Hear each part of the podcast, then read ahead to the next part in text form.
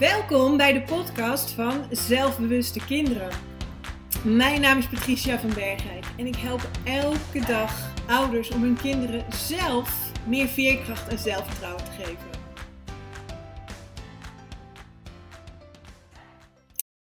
Hey, daar ben ik weer. En ik wil nog even een vervolg. Um, um, ik bedacht, ik ga me nog een vervolg maken op de podcast van gisteren. Want gisteren heb ik het gehad over die emotie-uitbarsting en hoe je hier uh, je kind mee kan helpen.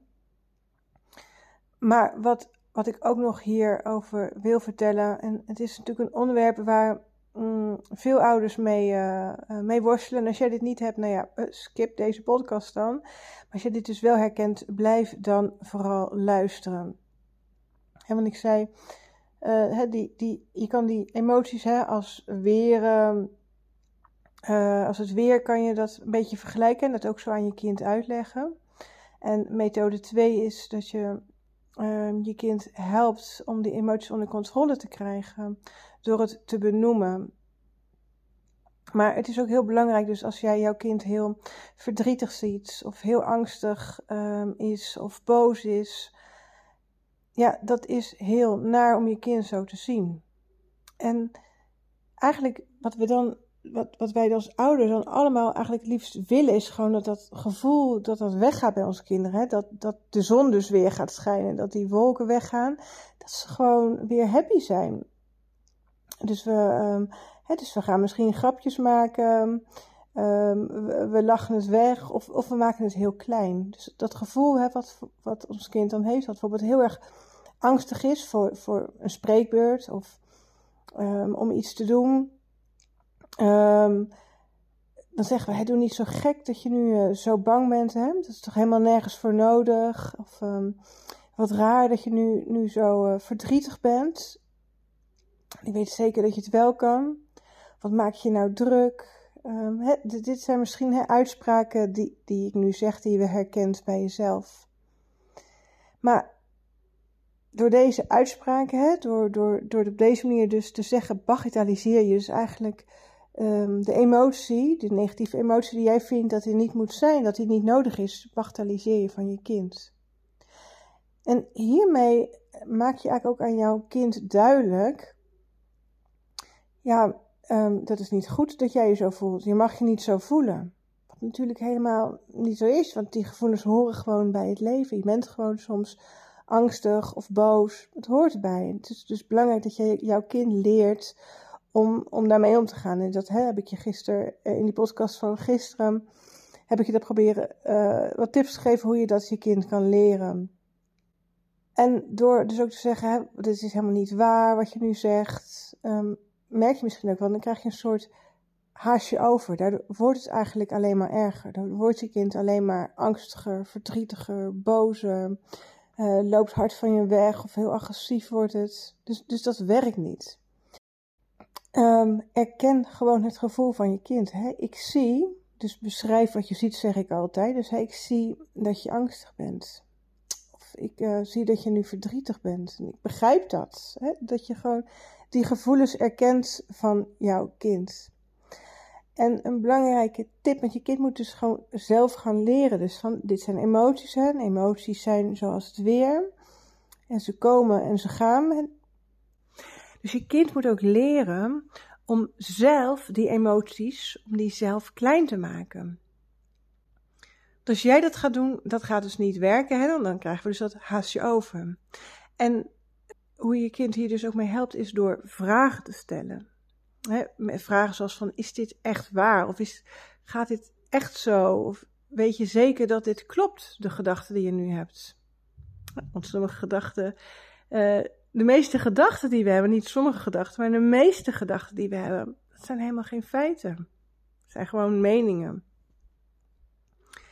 En een hele sterke vraag die je aan je kind uh, kan stellen, Um, wat zou jij tegen je vriend zeggen als die dit, deze gedachte zou hebben nu, of dit gevoel nu zou hebben? Wat zou je dan tegen je vriend zeggen?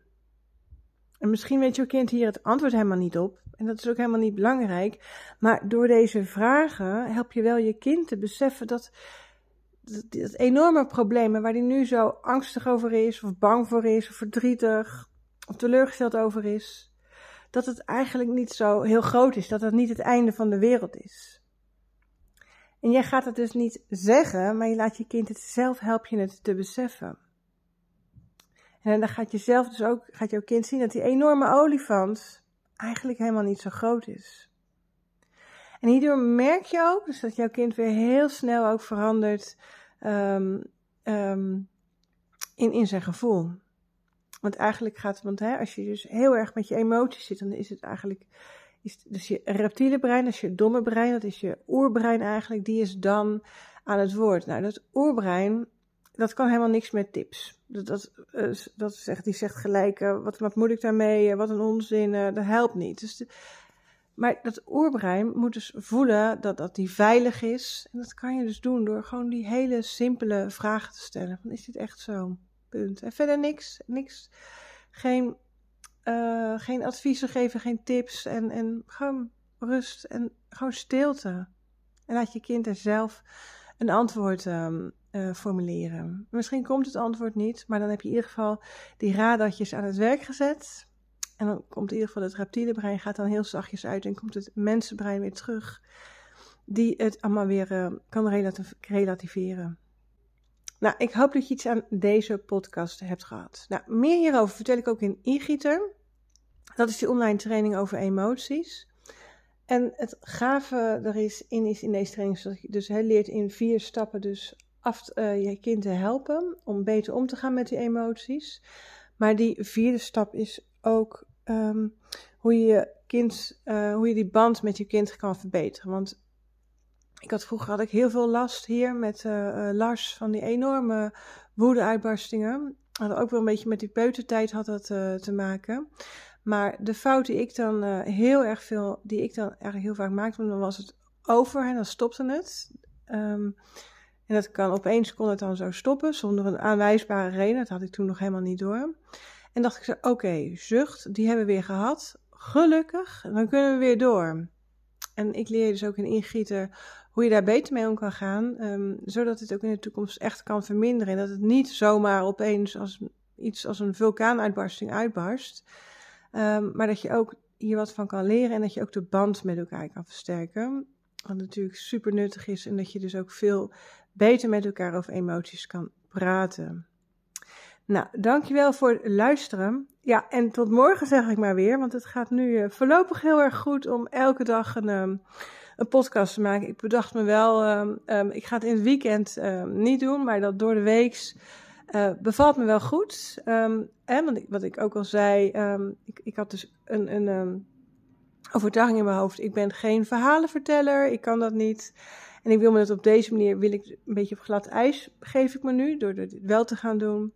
En ook dus uit mijn comfortzone te komen en om het, het verhaal te gaan ontkrachten.